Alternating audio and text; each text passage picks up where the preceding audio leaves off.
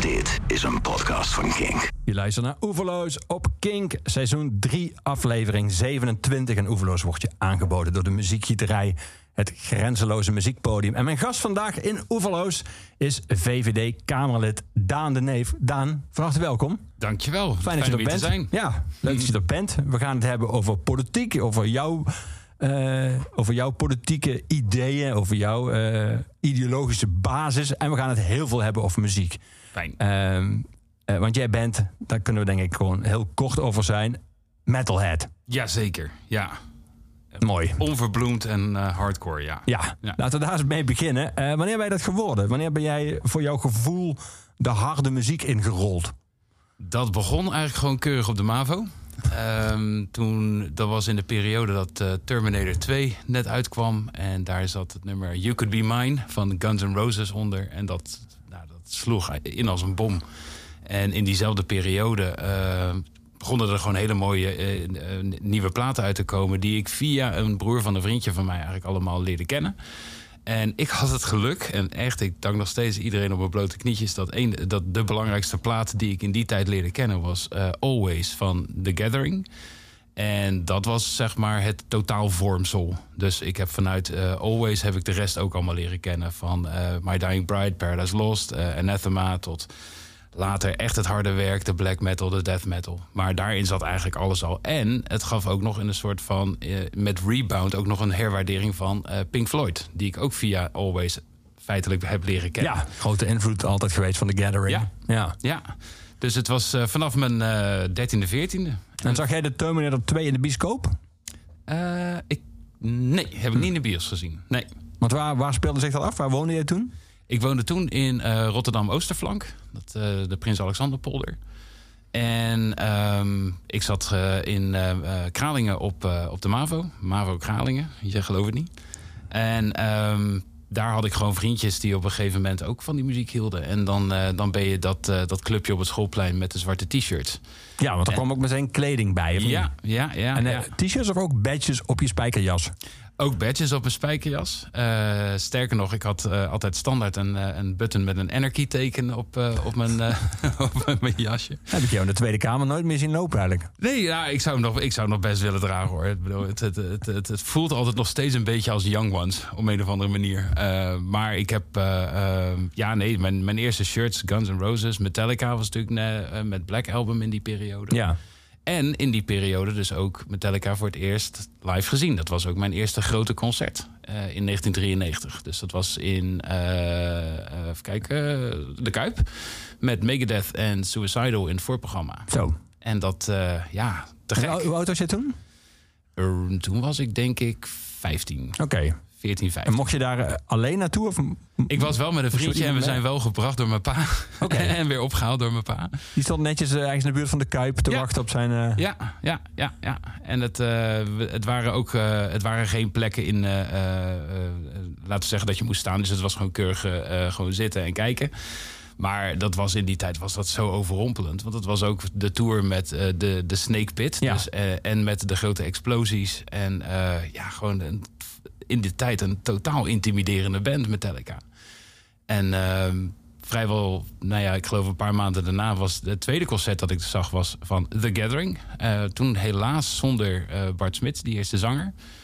eh, in de basement in Nighttown. Ja, Dus kijk. dat was een kleine zaaltje, maar dat was ook al meteen gelijk een goede vuurdoop in het geheel. Ja, en vanaf dat moment is eigenlijk alles gewoon gaan rollen. Ja. Ja, En die vader die zo aardig was om jullie te brengen... en ook daarna weer jullie bij de Kuip op te halen. Ehm, wat vond hij ervan dat die muziek opeens in, in, huizen eh, de neef door... eh, in ieder geval door één kamer klonk. Ik weet niet of die door alle kamers klonk, maar... ik heb af en toe wel eens inderdaad op mijn, eh, op mijn, op mijn falie gehad dat dingen te hard stonden. Ja, maar... Te hard stonden of te hard waren? te hard stonden. Nee, want er, er, er werd geen oordeel geveld over, over de muziek zelf. Eh, eh, behalve dan dat het af en toe gewoon net iets, nou ja, ik had bijvoorbeeld ook t-shirts. Ik had een van mijn eerste t-shirts was van Entombed. En daar stond heel groot achterop Blood, Murder en Satan. En dat vond, nou, dat was meer, meer zoiets van, was het nou nodig? Dus het was meer vanuit, vanuit... Was die vraag aan jou gekregen van de band? Aan mij. Ja, nee, dat was, was aan mij. En je had in Rotterdam, had je, en dat heb je nog steeds, Black Widow. En daar kocht ik dan al die shirts. En dat waren altijd, ja, ik geloof dat ook nog een shirt van Machine Head met heel groot fuck it all op de, achter, op de achtergrond. Ja, ik vond dat allemaal prachtig, want hoe, uh, hoe explicieter, hoe beter.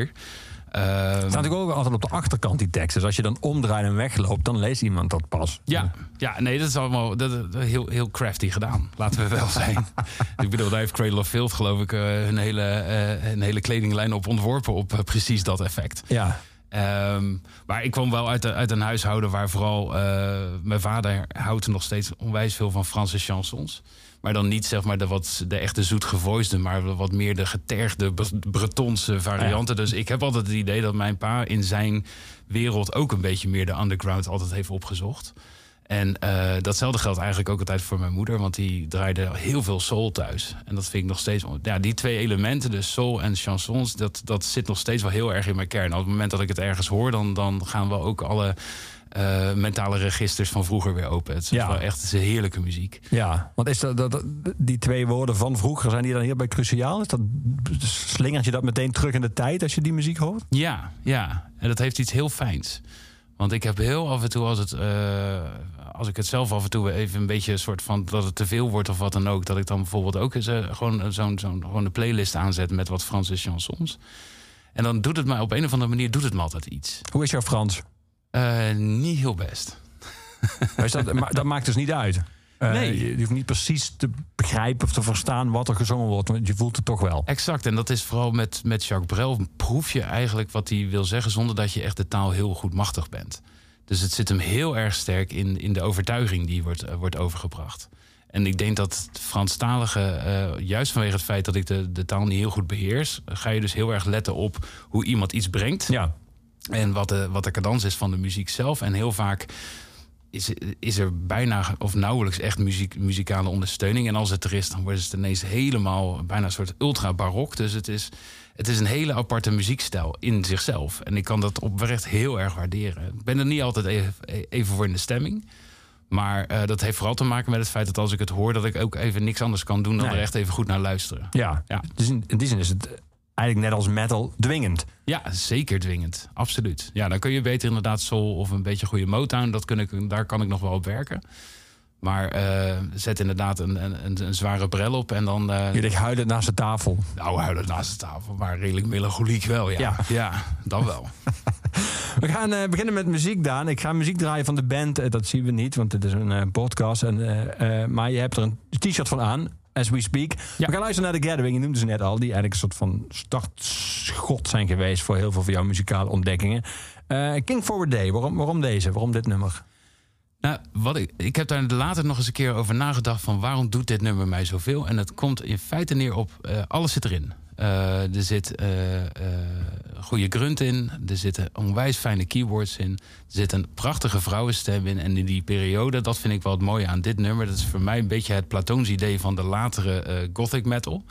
Dat al die zaken ook altijd bij elkaar geperst werden. Van Tristania tot aan Theater of Tragedy. Maar bij dit nummer komt het allemaal heel serieus samen. En ik vond het, dat vond ik van The Gathering altijd. Het is een hele serieuze band. Dit nummer ook. Maar het is zo, fijn, het is zo fijntjes gemaakt. En het zit zo goed in elkaar. En um, later ja, heb ik het idee dat het allemaal wat luchtiger is geworden. Maar dit zijn gewoon hele serieuze, zo'n earnest young people. Met een, een, een, overtuiging die ze willen brengen in hun. Nou ja, uh, ik geloof dat ze 17, 18 waren toen ze deze plaat maakten. Ja, dat is echt fantastisch. Maar dit is een soort van, van de, het centrale nummer voor mij... waar vanuit de rest het best begrepen kan worden in mijn boek, zeg maar. Ja, ja. The Gathering, King Forward Day.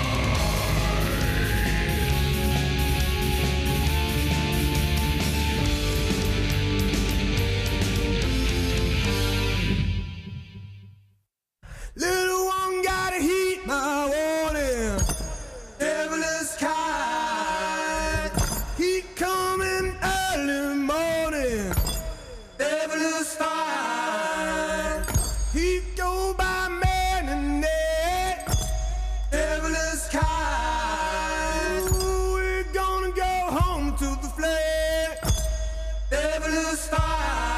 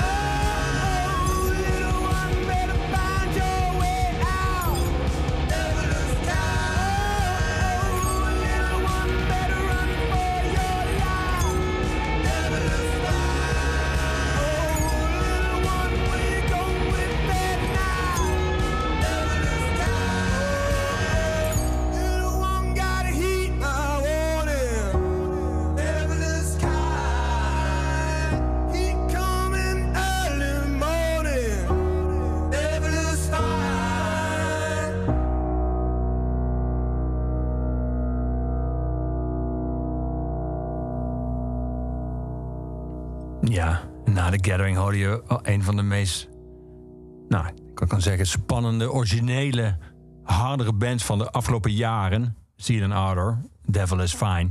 Even terug naar de, The Gathering, Daan. Uh, je zei toen je het nummer uh, toelichtte, zei waarom het nummer je zoveel doet. Zij hebben ook in een bijzin dat ook heel erg zat en dat ze zo serieus waren. Uh, terwijl ja. ze eigenlijk toen nog heel jong waren. Ja. Uh, nu is een probleem, zou je kunnen zeggen, bij, uh, bij metal. Als je naar de line-up kijkt van metal festivals, dat de, de, echt grote bands zijn allemaal inmiddels hoog bejaard.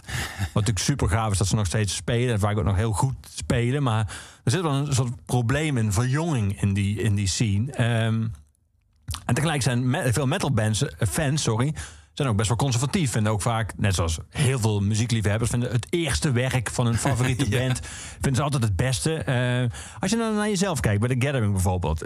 Je bent heel erg aangeslagen, aangeslagen toen bij dat eerdere werk. Maar is het denk je uh, voor jou dat. Um, is, die kwaliteit van dat werk gewoon, was die toen heel hoog, omdat die band zo jong en gedreven was? Of zit hem ook in dat, dat jouw eerste kennismaking daarmee was? Ik denk dat. En in, in combinatie met. Uh, wat ik heel mooi vind aan The Gathering is dat het hele harde muziek lijkt. Maar uh, besteed je er net iets meer aandacht aan, dan kom je erachter dat het, uh, dat het vooral heel fijn gevoelig is. Dat het hele mooie teksten zijn. Dat het uh, bijna existentiële teksten zijn. En dat in combinatie ook met, uh, met de, de synthesizers die toch heel dwingend binnenkomen. Um, ja, geeft dat ook een soort van kleur aan je eigen uh, persoonlijkheid. En uh, toen ik een jaar of 14, 15 was, ja, dan kamp je eigenlijk met heel veel van die puberteitproblemen die je daarmee ook een soort van, je zou bij het oneerbiedig zeggen, een soort soundtrack geeft. Uh, waarvanuit je ook weer een identiteit kunt ontwikkelen. Dus het, er zitten heel veel soort van persoonlijke, uh, nou, je zou bijna zeggen, een soort hartstocht van mij in die plaat. Die, waar die band niks aan kan doen, behalve dat ze het ooit een keer hebben uitgebracht. Ja. Um, maar die gewoon heel persoonlijk is. En uh, die mij daarna heeft gevormd tot in principe de persoon die ik later ben geworden. Dus het heeft wel een enorme soort van, van ja, soort van. Het, het, heeft een soort gave in zich. Het heeft een enorme soort van aanzwellende werking in, in, in mijn persoonlijke ontwikkeling uh, gegeven. En daar ben ik nog steeds heel blij mee. En het is niet dat ik nu denk van ja, het is.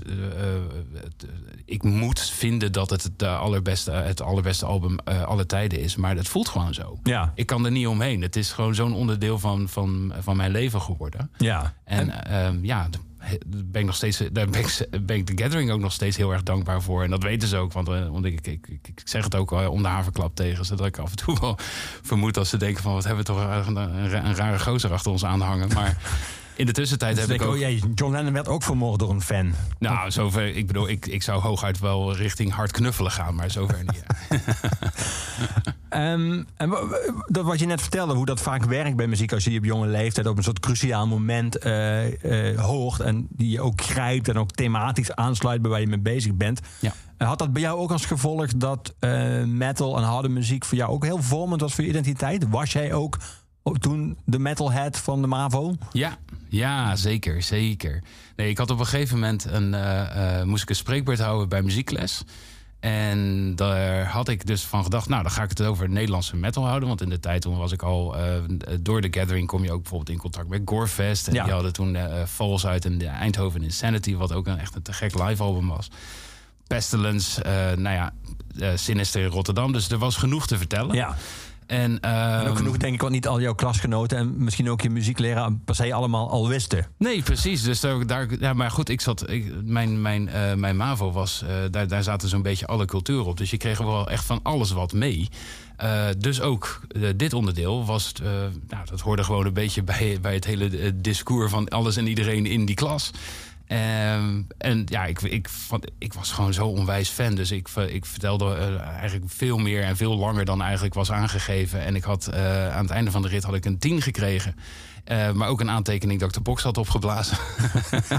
dus ja, het was wel het, het was een uh, gemeend genoegen daar. Maar, um... Want je mocht erover vertellen, of je moest erover vertellen eigenlijk. Uh, ja. Maar je mocht ook dingen laten horen. Ja, en zeker. dat geldt voor iedereen. Dat geldt ook voor al jouw klasgenoten. Ja, ja. dus ik had een bandje gemaakt als een soort van, van met een playlist met, met Gorefest, The Gathering, Pestilence. ja, en dat allemaal geloof ik op dinsdagochtend om half tien. maar, maar het lijkt me echt super leuk voor bedoel, eigenlijk zou dan nu gewoon, dat zou je eigenlijk allemaal hebben moeten registreren. Dat je een soort van, als, als het een, ook een, een, een cultureel opzicht een veelkleurige klas was. Dat je waarschijnlijk na dat jaar had je echt, neem ik aan, van hip-hop tot soul, tot, Ja. tot metal, eh, tot, tot waarschijnlijk gewoon popmuziek die mainstream was gehoord. Zeker. Ja. En er altijd een verhaal bij en een paar nummers. Ja, zeker. Maar bijvoorbeeld hip-hop, dat was eh, bij mij op school ook al best wel een ding. We, we, hoe heet het? eh, Tribe Called Quest was, was toen eh, redelijk hip en happening. Ehm eh, Tupac ook al, Ja, weet ik nog. ja. Eh, en, ja, ja, en ik vond zelf eh, de, de soundtrack van Judgment Night. Ja, met al die crossovers. Die met, crossovers, dat was dat echt... Het, het Ice-T Slayer. Ice-T Slayer, Disorder. Biohazard, Onyx, Faith No More, Booyah Tribe. Ja, daar kwam ook echt alles tegen. Dat was zo vet. Ja, en dat- grappig. Dat was een aardige B-actiefilm. Ja. Een straight-to-DVD film. Maar die soundtrack die heeft gewoon een hele generatie gevormd. Ja, exact. Ja. Ja, echt briljant gedaan. En daardoor dus ook weer een gateway naar andere eh, muziekstijlen. Ja. En dat heb ik later. eh, ik ben dol op dat soort crossovers. Want Til Lindemann van Ramstein heeft op een gegeven moment een nummer gemaakt. eh, mathematiek met een Duitse rapper Haftbefehl. En van de oorsprong Turkse jongen. En ik vond dat nummer ook zo vet. Dan ben ik helemaal in die Haftbefehl gedoken. En door die Haftbefehl kom je dus ook weer met allerlei andere Duitse rappers. En ik sta nu gewoon, als ik naar mijn playlist kijk... is het een soort mix van aan de ene kant black metal... Duitse gangster rap en noem maar op. En dat loopt gewoon heel natuurlijk door elkaar heen de hele tijd. Ja, en dat vind ik gewoon mooi. Ik hou Maar hoe ging dat? Kijk, nu, nu duik je daarin en dan kom je ook door gewoon hoe de algoritmes werken van de streamingdiensten, kom je met dingen in aanraking. Ja. Maar hoe ging dat vroeger? Hoe, hoe zocht jij andere muziek op? Dat ging vooral door heel erg naar eh, mensen te kijken die gewoon mooie eh, CD-collecties hadden die toen in aanwas eh, waren. Dus dat vriendje van mij, die had bijvoorbeeld een broer, die had dus The Gathering een keer live gezien voor het programma van No More 1992 in Ahoy. Had daar dus die Always plaat gekocht. Dat was de reden dat ik in contact kwam met Always. En via die boer kwam ik dus ook met inderdaad eh, Pestilence, Deadhead eh, uit Kampen. En eh, nou ja, noem ze maar op. De, maar ook bijvoorbeeld met Faith No More. En in die periode kwam grunge ook op. Dus dan kreeg je natuurlijk vanzelf ook je Pearl Jam Nirvana eh, sferen. En nou, alles kwam een beetje wat je kon overzetten op een bandje. Dat was altijd welkom. Ja. En ik had een, ne- een neef van mij die hield dus wel echt van, van wat meer de, wat, de, de progressievere eh, popzaken. Dus de- via hem ben ik dan weer, via, weer op Pink Floyd terechtgekomen. Ja, ja. Dus zo, zo plukte je eigenlijk overal wat eh, vandaan. Ja, het was maar net waar je je vingers op kon krijgen. Maar toen kwam in Rotterdam eh, de centrale discotheek werd geopend. En daar kon je dus cd's lenen. De centrale bibliotheek. centra- Ja. ja. precies. De centrale discotheek zie ik jou niet zo snel rondhangen. maar- Nou, nee, het, het heette volgens mij. Nee, dat was echt een uitleen. eh, ja, gewoon een uitleenzaal vol met CD's. En ja, daar kwam je natuurlijk. Ja, dat was zoveel voor je gevoel. Daar, kon- daar kon je niet doorheen. Maar eh, op een gegeven moment wist je van als ik dit leuk vind, dan ga ik dit ook leuk vinden. En zo stukje bij beetje ontdek je dan wat zaken. Ja, grappig dat dat toen voelde waarschijnlijk als een soort overdaad. Wat dat waarschijnlijk een Ja. fractie was van wat je nu op Spotify kan vinden. Eens, eens, ja. Ja. Nee, je had van, van, van, van die kaartjes, net zoals wat je vroeger in de bibliotheek had, onder zo'n lichtbak, waar je dan moest kijken waar je iets kon vinden. Want het stond nooit op genre of zo. Het stond sowieso gewoon allemaal door elkaar. Dus het was niet te doen. Dus je stond een hele middag alleen maar zo tik, tik, tik, tik, tik, al die cd'tjes te, te shiften. Ja. En dan ging je uiteindelijk weer naar huis met Turn Up the Bass 15 of zo. Ja, van arcade. Van de arcade. Ja. Ja, alle hits. Ja. Ehm, leidde dit, deze nieuwe liefde in jouw leven, deze grote liefde voor metal, ook tot zelf muziek willen maken? En tot zelf willen zingen of gitaar spelen? Ja, ja, ja. Ik heb eh, vooral dat grunten vond ik altijd heel tof. En ik, eh, ik kwam er op een gegeven moment achter dat ik het kon. Eh, dus ik heb, dat, ik heb dat best veel gedaan. Hoe, hoe kom je daarachter? Ja, gewoon blijven, blijven brullen totdat het op een gegeven moment een soort van toonvast is. maar het is uiteindelijk een, een techniek. En als je die techniek doorkrijgt, dan kun je dus inderdaad daar gewoon eh, eindeloos bij mee eh, plezier blijven bedrijven. En ja, ik heb daar inderdaad ook voor in bandjes gezeten en zo. Ik kan me ooit een, een, een, een uitzending herinneren van een programma van Jack Spijkerman, waar hij toen een eh, stemdeskundige had. Mhm. En toen was het een soort van de grap dat die man uitlegde hoe je, hoe je stem werkt en hoe je stembanden werken. En toen vroeg eh, Jack Spijkerman hem van. En bijvoorbeeld grunten, hoe is dat? Dat, dat is verschrikkelijk voor je. En toen ging het doek open en toen stond daar Gorefest. En die speelde een één nummer live in de studio. En die man die, die kreeg bijna gewoon een letterlijk een beroerte. Want die, dat is alles wat ik de mensen uitleg dat ze nooit moeten doen, doet Ja. deze man. Ja. Eh, maar, maar jouw stelling is, je kunt, als je het goed doet, kun je het best lang volhouden. Ja, het Ja. Moet, het moet vooral, je moet vooral proberen voorbij je stembanden te komen, heb ik het idee. Het, is, het zit veel dieper. het, zit echt, het zit echt diep in je larynx, volgens mij. Uh, maar ik heb bijvoorbeeld nu, er is nu een bandje, als je het toch hebt over, over nieuwe bands, uh, Lorna Shore. Uh, dat is een deathcore band. En ik normaal ben ik naar zo van de deathcore. Maar deze zanger die heeft zoveel bijna een soort van gradaties van grunten. Dat is, dat is gewoon bijna een feest om alleen al naar die stem te luisteren.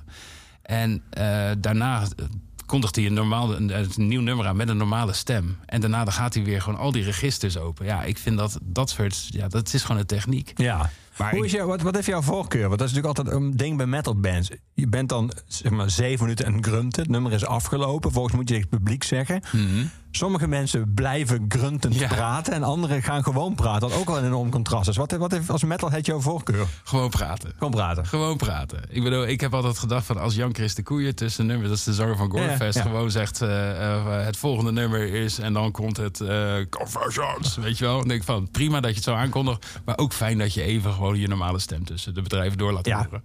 Ja, want anders, anders wordt het al wel, ja, ik vind dat je, je moet op een gegeven moment ook wel, wel het gevoel hebben van dat je gewoon naar normale mensen staat te kijken. ondanks alles, ja. Um, Juist ondanks alles. Ja, precies. Hm. Welke optredens zijn jou het meeste bijgebleven van jezelf? Um, we hebben op een gegeven moment een keer opgetreden in Rotterdam Zevenkamp.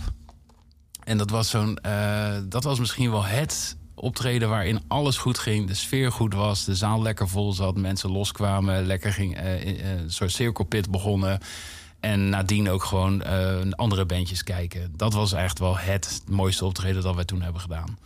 En dat staat gelukkig ook nog op YouTube ergens. Wel met echt een onwijs, shabby uh, opnameapparaatje. maar het staat erop. En ik ben er nog steeds heel trots op. Want het was gewoon oprechte. Ja, het zijn natuurlijk ook allemaal vrienden van je. En het is ook gewoon heel tof om met je vrienden iets te maken, iets te doen. We hebben best lang gewacht voordat we op gingen treden. Want we waren allemaal veel te verlegen en veel te. Nou ja, we durfden het eigenlijk niet. Totdat op een gegeven moment iemand zei: Weet je, ik, ik geef ons gewoon op voor zo'n zo'n zo'n festival ergens in Schiedam. Uh, en dan gaan we gewoon, punt. Nou, daar hebben we naartoe gewerkt. En uh, inderdaad op van de zenuwen. En toen kwamen we erachter dat het allemaal hartstikke leuk was. Maar ja, dan moet je dus een beetje ingroeien. Je moet een beetje zo'n zaal op zien te zwepen. Die, nou ja, wat vooral mensen zijn die bij andere bands horen. Want ja. dat is de, ja. anders mag ik niet optreden. Je moet wel een beetje je eigen mensen meenemen voor, uh, voor, de, voor de bierafzet en zo. Maar uiteindelijk, als je echt een leuke avond hebt met gewoon je vrienden op zo'n podium. Met de muziek die je tof vindt om te maken. En, uh, en het lukt allemaal. Dat is toch wel echt magisch hoor. Ja. ja. ja. Toch ben je dan niet in doorgaan. Want je zit hier tegenover mij als muziekliefhebber. Maar ook gewoon als, als politicus. Ja, en niet klopt. als frontman. Ja van een, van een band. Ja, nee, ja, ik vind dat nog steeds jammer. Want ik vind het oprecht heel leuk om in bands te zitten. Maar het kost onwijs veel tijd. En um, als je het ook echt serieus wil doen. En ik ken heel veel bands die nog steeds gewoon echt gewoon alle optredens pakken die ze kunnen pakken. Uh, er zelf heel veel geld in, in stoppen. Uh, proberen er echt, echt constant wat van te maken. En dat doen ze ook onwijs goed. Maar je moet wel inderdaad een heel deel van je agenda eraan uh, uh, op willen geven. En dat ging bij mij gewoon niet meer. Nee. Nee. Dus ja, het is jammer, maar heel af en toe dan komt er nog wel eens een uh, karaokeavond voorbij... dat ik weer eventjes Toto van Afrika mag grunten. En dan, dan staan we weer eventjes oog in oog met elkaar. we gaan muziek draaien, Daan. We draaiden net en Arder. door even daarover. Wat, wat, wat, wat raakt jou zo in die, in die band? Komt nu een nieuw album aan. Er staan een paar nummers zijn al uit. Dat is een soort voorproefje. Dat het belooft misschien wel een allerbeste album te worden. Maar wat, wat, wat, wat raakte jou meteen, of misschien niet meteen, in die band? De, wat ik, we hadden het net over van uh, hoe bands zich ook gewoon vernieuwen. Uh, hoe uh, nieuwe elementen in zich vervlechten met, met traditionele muziek. En Ziel en Arder, is misschien wel een soort van uh, de posterboy van, van zo'n soort, van, van zo'n soort theorie.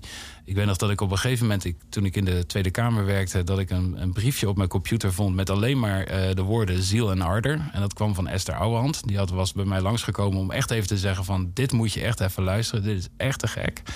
Ik kende het nog niet. Ik heb het toen opgezet en Devil is Fine kwam, uh, kwam er bij mij binnen. En ik had al meteen zoiets, ja, dit, ik weet nog niet waar dit album naartoe gaat, maar dit is al zo gelaagd. Dit is al zo. Dit komt al zo onwijs uh, dwingend binnen op een goede manier. Uh, en de rest van het album, daar zitten allerlei soort van rare nummertjes in. van, van elektronica tot aan Gregoriaanse, bijna satanische zanglijntjes. en allemaal, ja, het is gewoon heel creepy. maar het heeft ook een enorme soort van, van eigenheid. En ik heb later begrepen dat die zanger uh, op 4chan met mensen in gesprek was. En dat hij al gewoon had gevraagd van welke stijlen zouden jullie nou een keer uh, gecombineerd willen hebben. En uh, dat iemand had gezegd van black metal en slave music. Dat was volgens mij hoe het, hoe het gecommuniceerd werd. En dat was meer als een soort grap bedoeld. Zoiets van ja, dat, dat kan dus bijna niet. Nou ja, het is dus wel gelukt. Ja. Uh, maar het is dus niet een soort gimmick van dit is wat we doen. Dat was alleen dat album, Devil is Fine. Stranger Fruits, het tweede album, was alweer anders. Ik vond Wake of a Nation onwijs indrukwekkend. Ja. ja. die EP omdat het uh, over George Floyd en, en, alles ging. Gewoon, gewoon puur de, de tijdgeest weten te vatten in, in, in onwijs mooie nummers. Maar ook gewoon, ja, je kunt er niet omheen.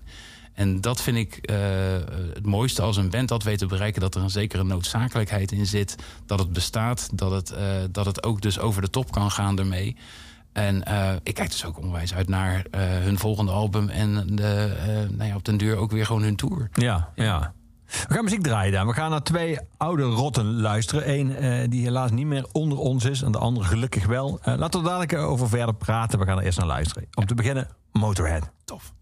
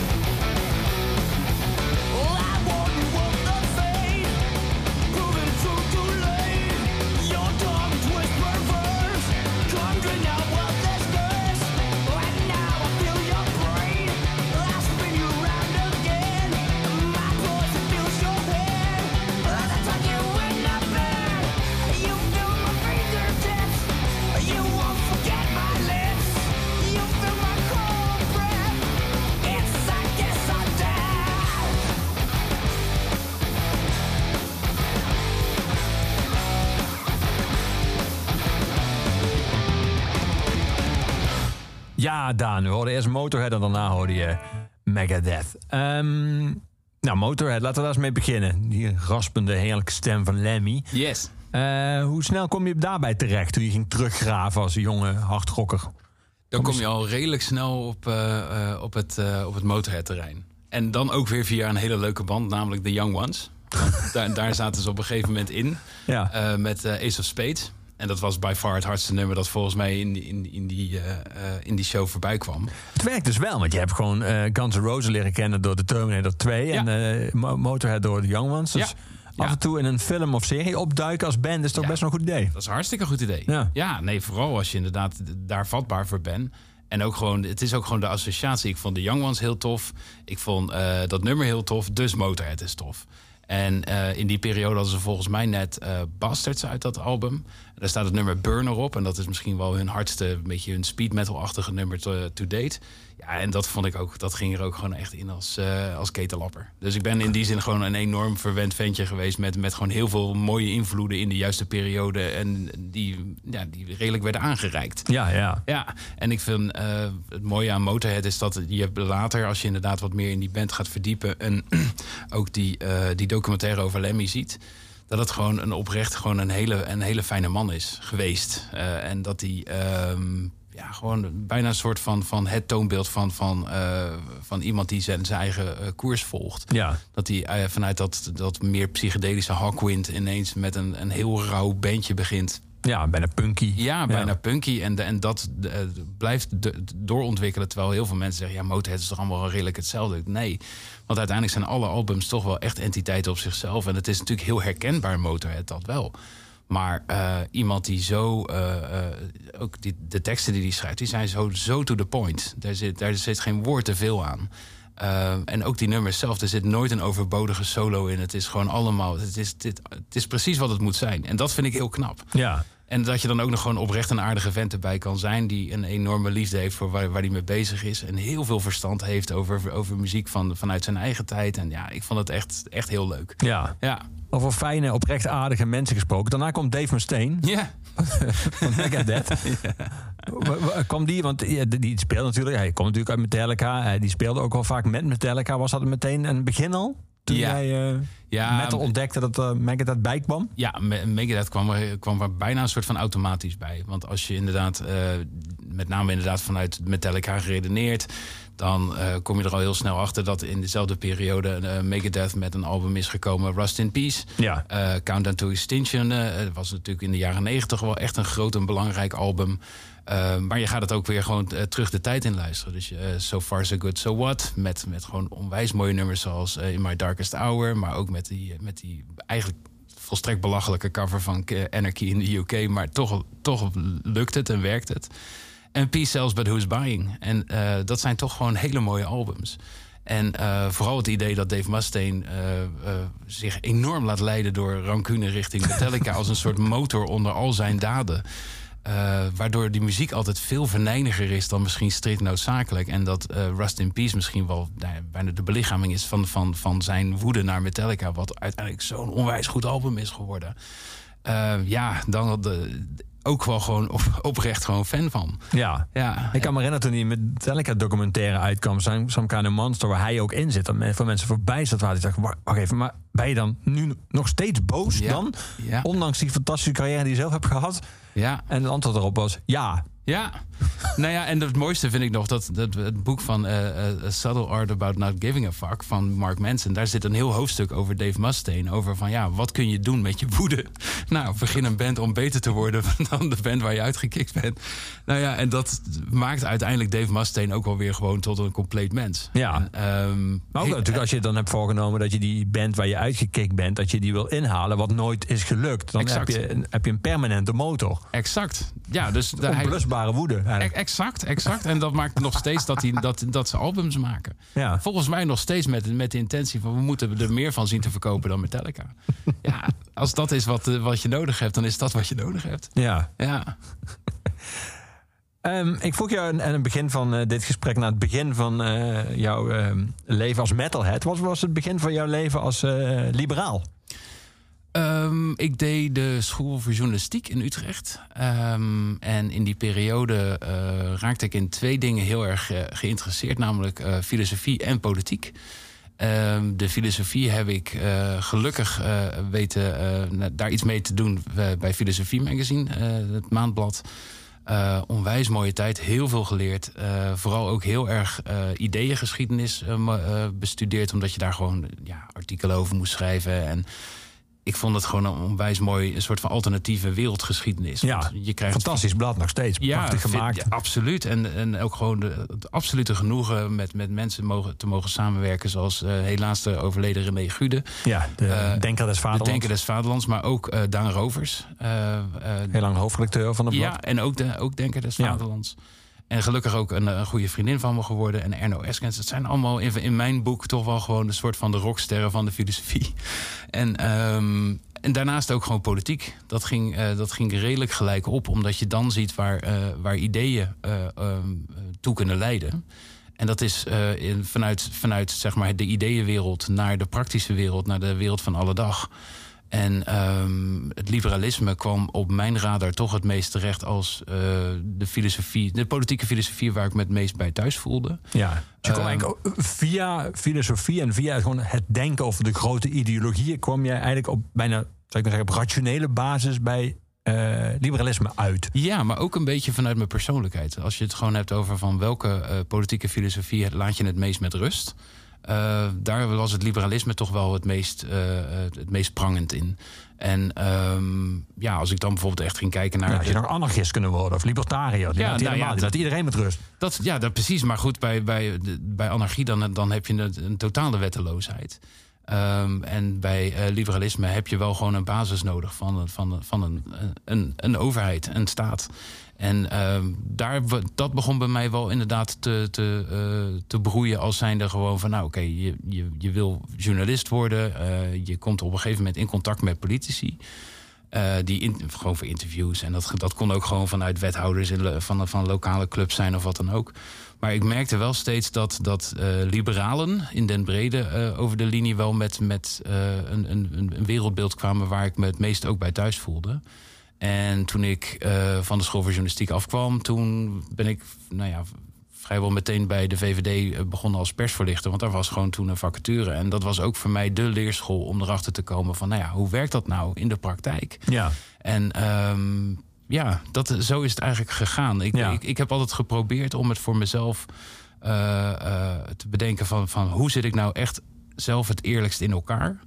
Um, en hetzelfde wat ik ook bijvoorbeeld heb met The Gathering, met Always. Van iets is op een gegeven moment een onderdeel van je systeem.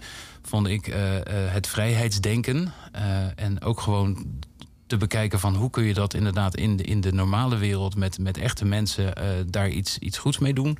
Ja, kwam ik eigenlijk vrijwel na mijn studie automatisch bij in de Tweede Kamer terecht. Maar dan als, als persverlichter. Ja, ja. Nu, nu, als je kiest voor het liberalisme, zou je kunnen zeggen, heb je in Nederland nog steeds de keuze uit twee partijen. Je hebt de VVD en D66. Ja. En je zou kunnen zeggen dat je in GroenLinks en in mindere mate in, uh, in de PvdA een soort liberale vleugel hebt. Mm. Um, was toen je eenmaal erachter kwam dat je liberaal bent, uh, de keuze tussen die twee of misschien vier partijen ook snel gemaakt? Nou, ik heb, ik heb me altijd wel tot, al, tot alles uh, en al die partijen aangetrokken gevoeld. Omdat ik inderdaad elementen erin terugzag waarvan ik dacht van ja, daar, daar, daar voel ik wat voor. Dat heb ik in, in, in deze tijd nog steeds in feite er gebeuren gewoon heel veel dingen over uh, across the board waarvan ik denk van nou, daar kan ik mee vinden. Dat, dat proeft ook als iets waar ik, wat bij mij meteen ook resoneert. Alleen ja, daar, uh, bij de VVD was er ook gewoon een vacature. Ja. Het moet je ook heel praktisch zijn. Van, er was een vacature. Ik vond het oprecht een hele toffe club. En, maar moet je lid zijn van een partij om er persvoorlichter nee, te zijn? Nee, sterker maar, nog. Maar, maar, werkt het wel? Helpt het wel? Nee, ja, het, maakt, het maakt niet uit. Hmm. Nee, dat was, de, de, enige voorwaarde was van je moet affiniteit hebben met het liberalisme. Nou, ja. dat was precies wat ik had. En um, wat ik vooral heel, heel tof vond in de tijd was, uh, ik had heel lang haar. Ik had een, want metalhead. Want metalhead. Uh, ik had inderdaad ook buttons en allemaal, de, waaronder dus ook mijn anarchy button. en um, nou, uiteindelijk weet ik nog dat ik die eerste keer daar kwam op het Binnenhof. En dat ik eh, meegenomen werd naar, eh, eh, nou ja, naar zo'n kamer. Waar, Maar wacht even, je, had, je, hebt, je hebt tijdens je sollicitatiegesprek heb jij je jasje aangelaten waar een, bij de VVD met een anarchy button erop. Nou, ik had, ik had die jas wel bij me. Hm. En die had ik ook gewoon daarna aan. Ik geloof niet dat het zo ooit is opgevallen dat, dat, dat die button erop staat. Het was ook niet een enorme button hoor. Maar het was wel iets van. Het zat gewoon eigenlijk standaard gewoon op mijn jas. Ja. Maar wat, het, wat voor mij op dat moment gewoon. Het was zo eh, wezensvreemd. Want ja, ik had een, een pak aan wat eigenlijk geen pak was. Het was veel te groot. En het was.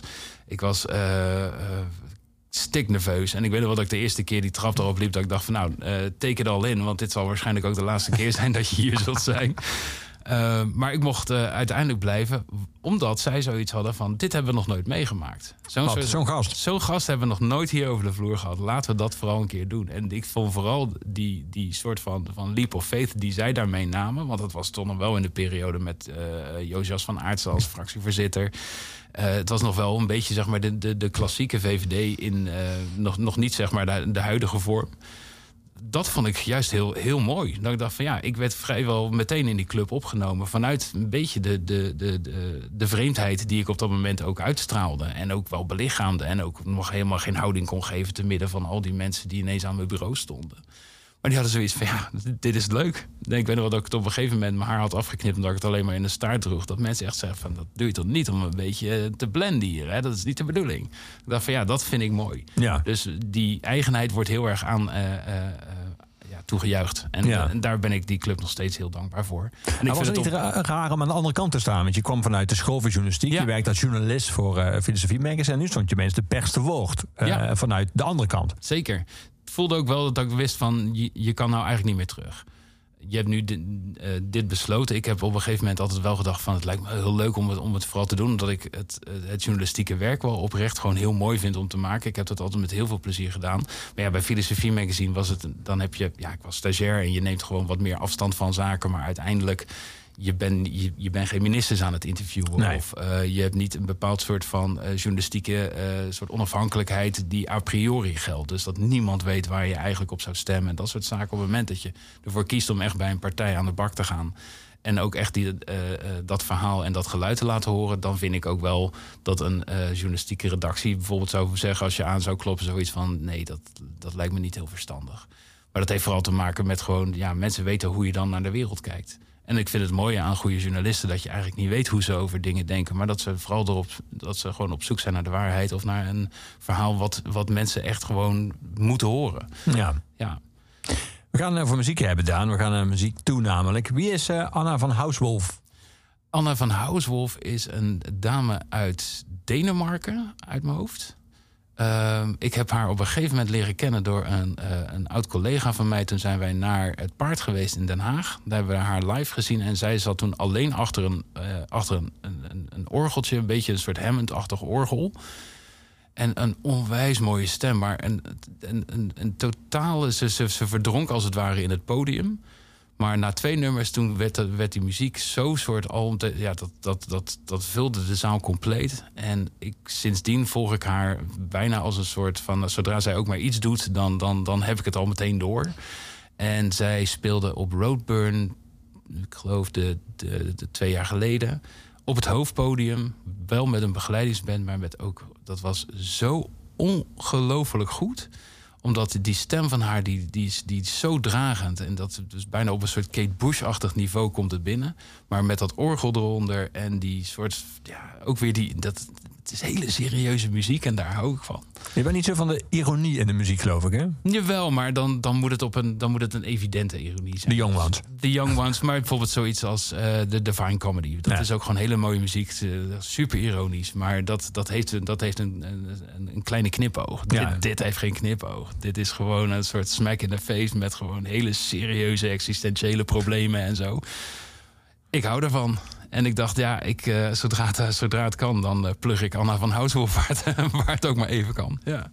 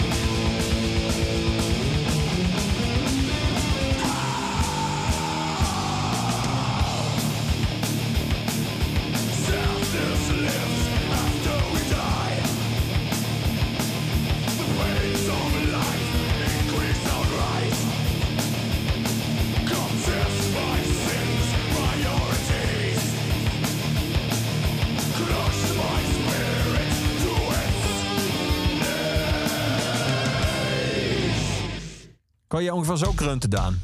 Ja. Oh. Even afzetten, dat gaat gewoon door. Diddy. Type Er Negative. kwam een eh, grote hit van Type Negative Ja. langs. Heel erg gewoon tegen mijn principes een, een fade-out te doen in Overload. Maar ja, dit nummer stond niet op jouw lijst. Het kwam toevallig langs. Paradise Lost draaiden we. Waar, waar staat die ergens in jouw muzikale kanon? Oh, die staat ook wel ergens eh, redelijk bovenin hoor. Maar dat staat wel eh, een beetje schouder aan schouder met eh, My Dying Bride en Anathema en alles. al die bands uit die tijd met vooral inderdaad die wat meer die doom-sfeer erin. Maar ook eh, eh, dat album Gothic, tweede album van Paradise Lost, waar ook alle elementen in zaten eh, die ook in het, bij de Always van The Gathering weer voorkwamen. Dus dat is ook weer een heel belangrijk album. Goede grunts, dameszang, synthesizers, mi- mid-tempo, alles zwaar, prachtig. Ja. ja, Paradise Lost is gewoon per definitie een, een, band die ik nog steeds wel gewoon met, met heel veel interesse volg. Al moet ik zeggen dat de laatste albums, het is goed. Eh, hetzelfde geldt voor My Dying Bride, maar de spanning is er wel echt uit. Dus eh, ze beginnen nu wel een beetje een soort herhaling van zetten eh, te maken. Ehm, Is dat vermijdbaar, denk je, als band? Moment heb je het ook wel gezegd, wat je wil zeggen. Misschien of heb je ook gemaakt. Het is gewoon je geluid ook gedefinieerd. Ja, maar het is ook een beetje hoe je het als band zelf aanvliegt. Neem bijvoorbeeld een band als Ulver uit, uit Noorwegen. Die heeft eh, de eerste drie albums, dat waren een beetje eh, folky, black metal... En, en daar weer een soort eh, kruising van. Maar daarna zijn ze wat meer de elektronica ingedoken. En dat is een totaal... Die band is zo, is zo spannend dat op het moment dat er ook maar iets van vrijkomt... dat ik altijd denk, wat zullen ze nu gedaan hebben? En op het moment dat je dat weet te bereiken... dan, eh, ja, dat vind ik persoonlijk, dan vraag je veel van, van, van je fans. Eh, maar je krijgt er als fan ook wel heel veel voor terug. En datzelfde eh, heb ik nu eigenlijk nog steeds wel ook met The Gathering. Die hebben in feite zich altijd maar blijven ontwikkelen in een, in een stijl waarvan ik heel af en toe dacht van ja, je gaat nu wel, je bent nu eigenlijk gewoon mijlenver van, van je oorsprong vandaan. Ehm, maar ik begrijp wat jullie doen. En ik, soms moet ik net iets meer moeite doen om erin te komen of het mijn eigen te maken. Maar op het moment dat het zover is, dan ben ik ze ook wel weer heel dankbaar. Omdat ik Ja. denk van ja, je maakt dus wel echt wel wat mee. Want als je namelijk gewoon bijvoorbeeld twaalf, twaalf keer dezelfde plaat maakt, feitelijk. Wat in eh, sommige genres best vaak voorkomt. Ja, dan weet ik gewoon af en toe niet meer van... zit ik nou naar eh, een, een, eh, een, een plaat te luisteren uit 1995... of uit 2005 of 2015. Dat maakt in feite niet heel veel uit dan.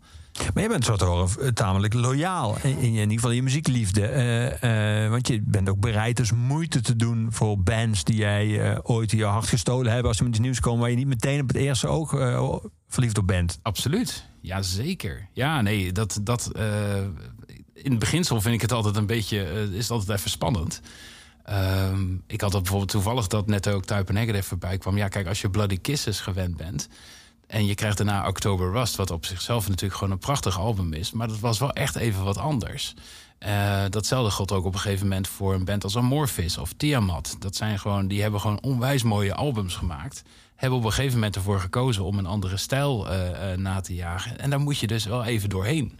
Want het wil niet altijd zeggen dat het meteen lekker landt. Maar Nee. ik vind, een band heeft zoveel credits opgebouwd... door een, een paar platen te maken die, die, die zo goed zijn.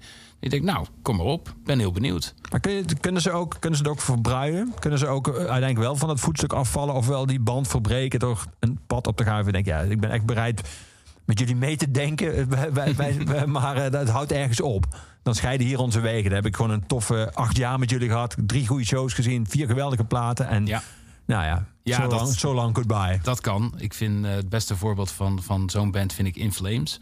In Flames die ben ik eh, vanaf eh, de Jester Race eh, nou, toch wel echt fan van ge- geweest. En dat heeft nog best een tijd geduurd. Tot ze op een gegeven moment steeds, ik vond het zelfs steeds vlakker werden. En er, de, de spanning uit de muziek gewoon totaal verdween. En dat er iets voor terugkwam dat ik dacht... ja, ik snap dat je hiermee een nieuw, een nieuw pu- publiek probeert aan te boren. En dat lukt zo aardig. Eh, want dat betekent dat je gewoon afgaat van, eh, van de grunt. Niet dat ik dat per definitie eh, nodig vind. Want Paradise Lost heeft ook een pe- periode gehad... dat ze gewoon clean, clean zang hadden. Maar het, hoeft niet. de muziek moet wel spannend zijn. En dat heeft Paradise Lost altijd beter begrepen dan bijvoorbeeld een In Flames, die mij gewoon op een gegeven moment totaal. Eh, ja, dat ging niet eens van de radar. Was gewoon in feite gewoon non-existent meer. Ja, ja. Dan eh, heel af en toe er komt er in een playlist iets van, van Horacle voorbij. En dan word ik weer even gedacht van... oh, dat was zo'n fijne tijd toen ze dit nog maakten. Nou ja, dat... eh, ga je dan ook niet meer naar de shows? Nee, nee, want dat Want, was want dus... dan, word je de, dan word jij dus zo iemand die hoopt op... Nou, hoopt, die alleen maar ouder werk wil horen eigenlijk. Nou, nee, ik, heb, ik, ik ben nog steeds bereid om naar alles te luisteren op het moment dat er, dat er iets komt. En ik doe het ook nog steeds wel echt. Maar ja, ik merk al vrij snel of dat het iets is in de, in de, de stijl die ze dan daarna hebben gedefinieerd. Of dat ze echt iets nieuws proberen te doen. Ja, ja.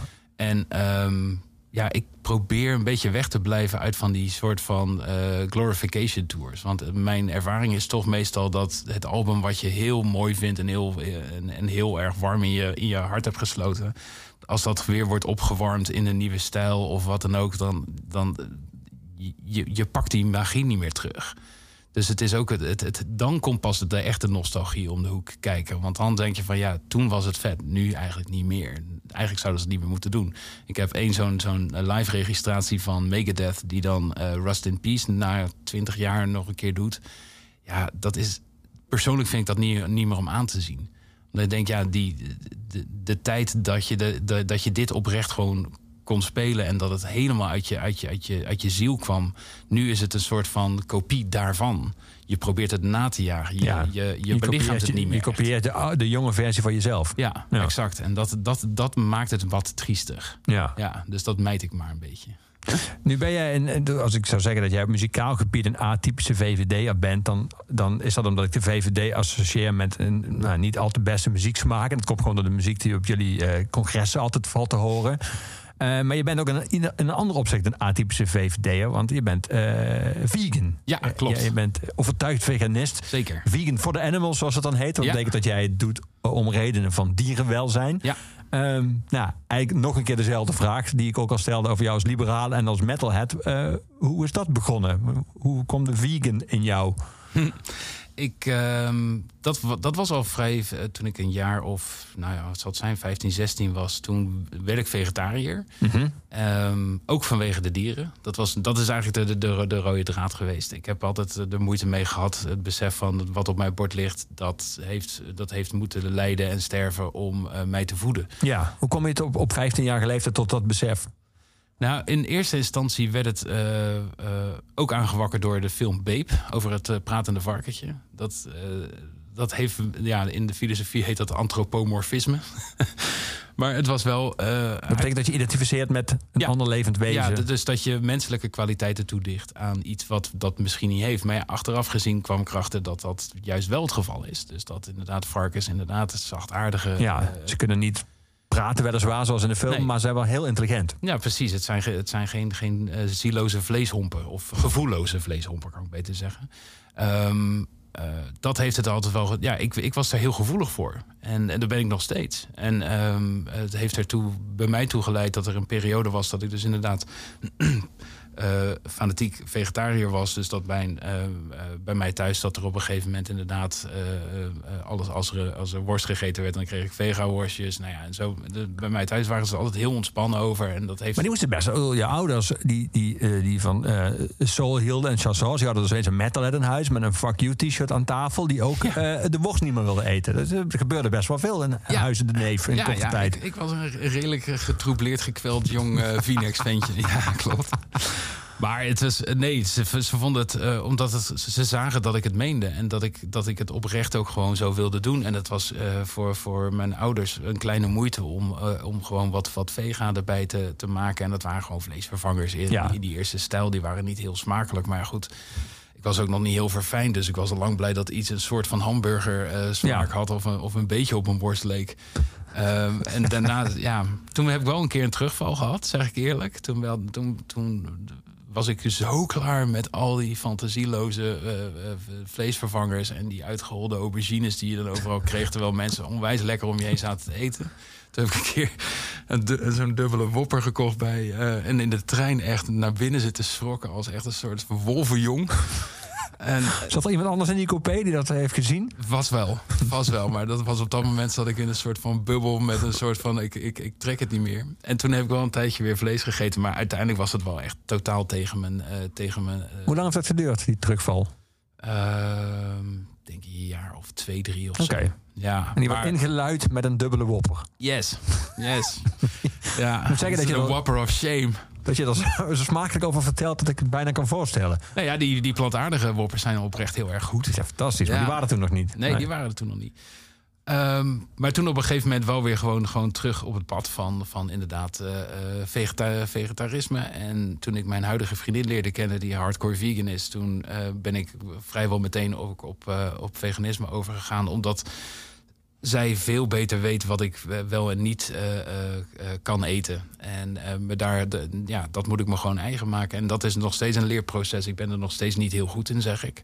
Ik heb heel erg het geluk met, met haar, buiten het feit omdat zij een geweldig mens is, maar dat zij dus ook inzicht heeft in dit soort zaken, zodat ik ook precies weet op een gegeven moment van nou, als, als ik nu een, een supermarkt binnenloop, dan kan ik heel snel boodschappen doen, omdat ik weet wat wel kan. Ja, Ehm, ja, en dat vind ik nog steeds eh, eh, in de- deze tijd zo fantastisch te merken dat het ook eh, dat het steeds meer wordt.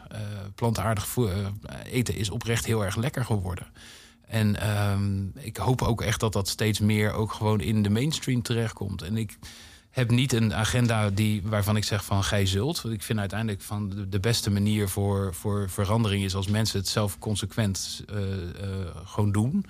Eh, niet vanuit het idee van, eh, van je moet dit of je moet dat. Maar als, als iets lekkerder wordt dan eh, bijvoorbeeld vlees of, of in de buurt komt van wat, wat mensen al kennen en zeggen van nou, ik heb heel vaak mensen die zeggen van ik eet nu gemiddeld drie vier, in drie, vier keer in de week vegetarisch of veganistisch. En dat ik zeg, ja, dat vind ik fantastisch nieuws.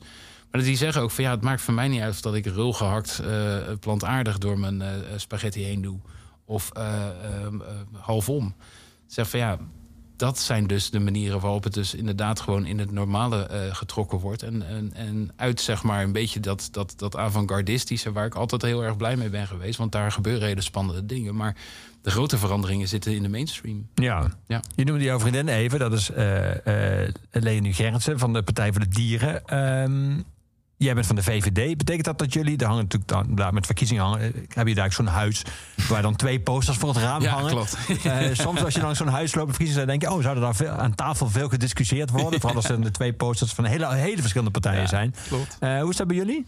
Nou, wij hadden dat toevallig de afgelopen verkiezingen. En dat er inderdaad ook op, op, op Twitter ook van die fotootjes van kwamen. Zoiets van, wat voor soort huwelijk moet dit wel niet zijn? Nee, dat gaat heel goed. Dat, heeft vooral dat heeft vooral alles te maken met het feit dat we gewoon eh, zielsveel van elkaar houden. En elkaar natuurlijk compleet ontzien in, in alle overtuigingen en, en noem maar op. Maar ook, we leren gewoon heel erg van elkaar. Ik leer van haar, eh, eh, van, van, ja, er, is gewoon een hele wereld dat als je natuurlijk. Kijk, een, een, partij is vaak ook gewoon een, een beetje een bubbeltje. Dus er wordt in een bepaalde sfeer gedacht. En datzelfde, dat geldt eigenlijk voor alle partijen die ik nu heb. En dat vind ik het leuke aan deze tijd. Van dat ik gewoon heel veel ook gewoon vrienden heb bij andere partijen. Dus dat je ook eens door andere ogen naar dezelfde samenleving leert kijken. En dat je daar altijd wel iets van leert. En dat het eh, eh, in feite ook niet zo heel erg veel. Want je moet het proberen zonder oordeel daarnaar te leren kijken.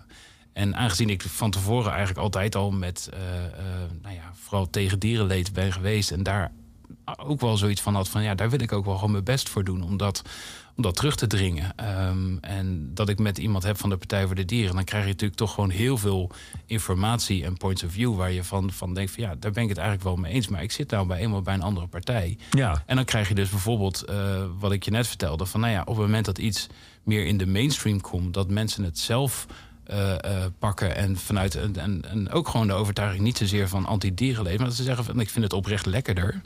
Of ik vind het gewoon fijn om op deze manier ook bij te dragen aan. Ja, dat vind ik echt heel fijn. Ja. En dan kom je veel meer inderdaad in, eh, in mijn eh, neck of the woods terecht.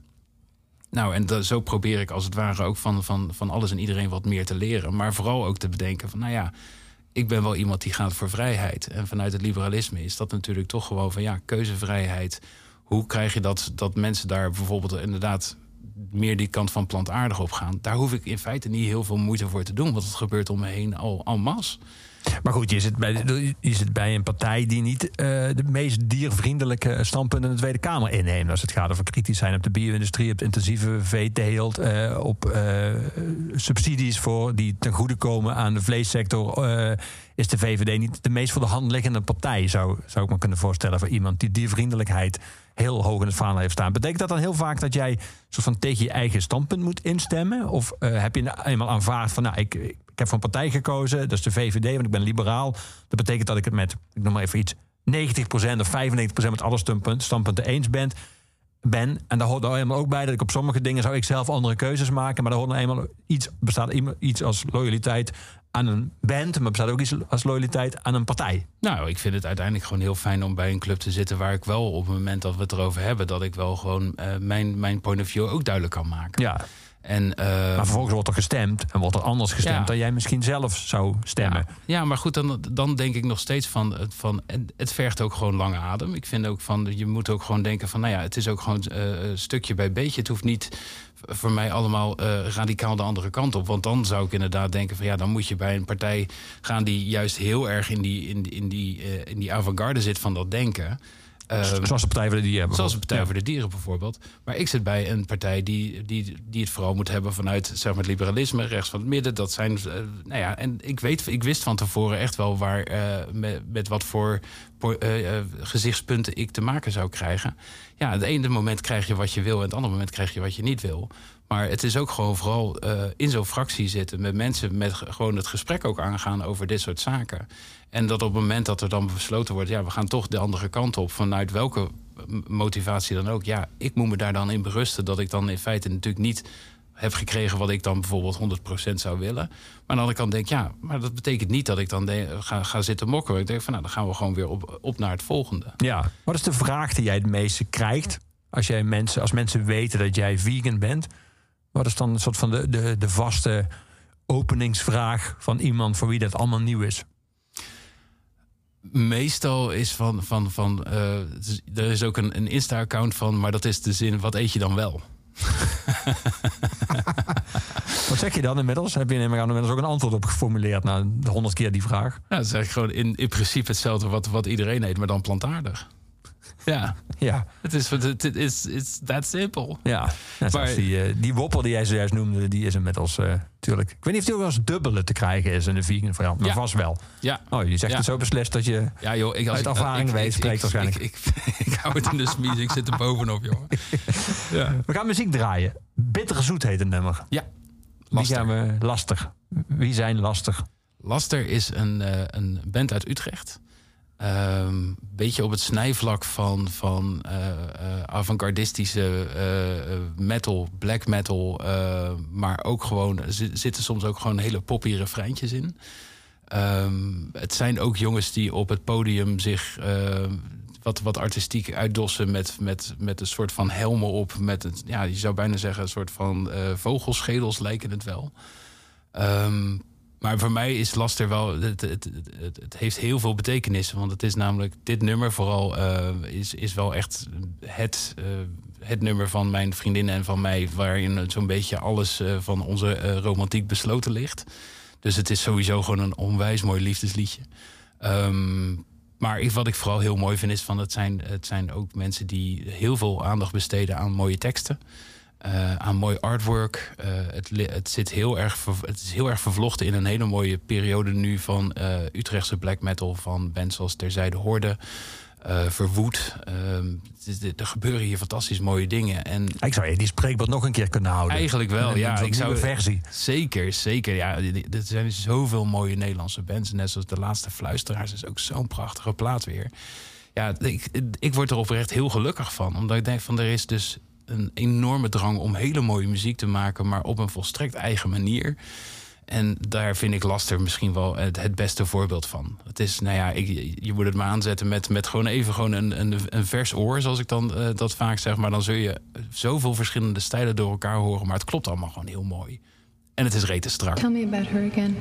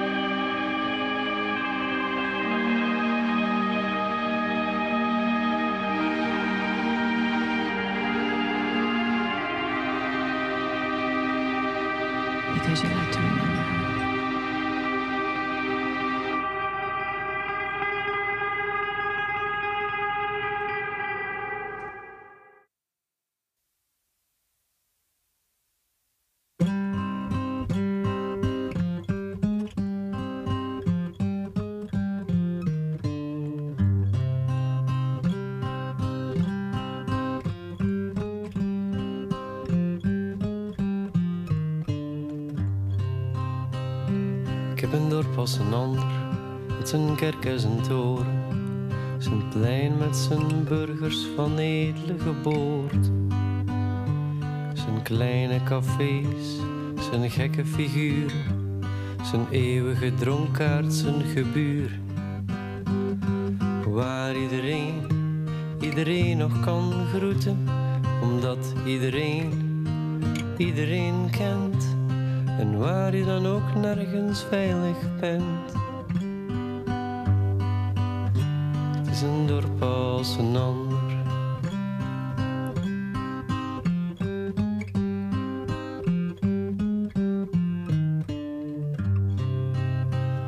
Het is een dorp vol venij, het is een dorp vol venij.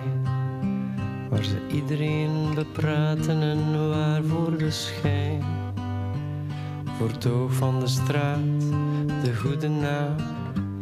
Zoveel wordt gelaten, zoveel wordt gedaan. Je wordt er beloerd, ze volgen je schreden, ze proeven je woorden, begluren je kleren. Pas op, beste jongen, dat wordt een schandaal. Het is een dorp als een ander.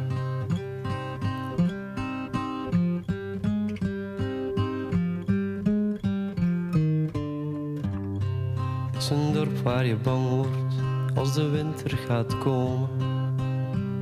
De dagen verkillen, de zon verscholen. In grijzende sluiers van regen en wind, dan worden de straten zo stil. Dan blijven de luiken zorgvuldig gesloten, dan zwijgen de oudjes, de dood kan zo komen. Wordt er zo kil dan, ruikt er de angst. Het is een dorp als een ander.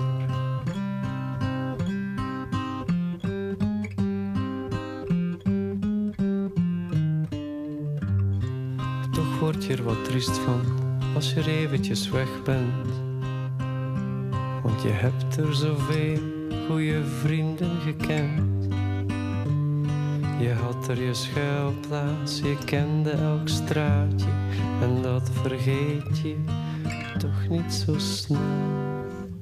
En als dan de lucht open scheurde en de zon plots verscheen, het werd er zo anders, het werd er een feest. Met grote gebaren van allemans vrienden, een troep blije mensen, een troep dolle kinderen. Dan was het een dorp als geen ander, dan was het een dorp als geen een.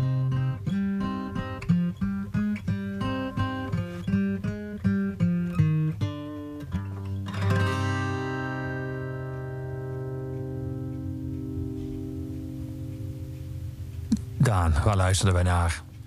Dit was Amen Ra met een cover van Jeff van Uitsel, Het Dorp. En ik ben eh, heel groot fan van Amen Ra. Ik heb er ook een eh, tatoeage van. Eh, er zitten heel veel betekenissen achter Amen Ra voor mij persoonlijk. Het is sowieso een concert waar ik mijn, mijn vriendin heb leren kennen. En sindsdien is dat toch wel een, een rode draad ook in onze relatie voor wat betreft de platen die uitkomen, de optredens die we ervan mee kunnen pikken. En ehm, ja, ik heb toevallig vorig jaar eh, de, eh, het absolute genoegen gehad om voor eh, de site Zware Metalen mee te gaan met de hoofdredacteur om Colin van Eekhout te interviewen. En ja, het is zo'n. het is zo'n zachtaardige, vriendelijke, maar diepgevoelige, intelligente man. Ehm, waardoor je ook veel beter die, die band begrijpt voor, voor waar ze vandaan komen, wat ze proberen te doen, wat, ze, eh, wat ze tot kunst hebben weten te verheffen, is, is eh, het, het om kunnen gaan met het leven waar, wat, wat gewoon ophoudt. En wat, wat tegen de achtergrond van de dood heel erg goed te begrijpen valt.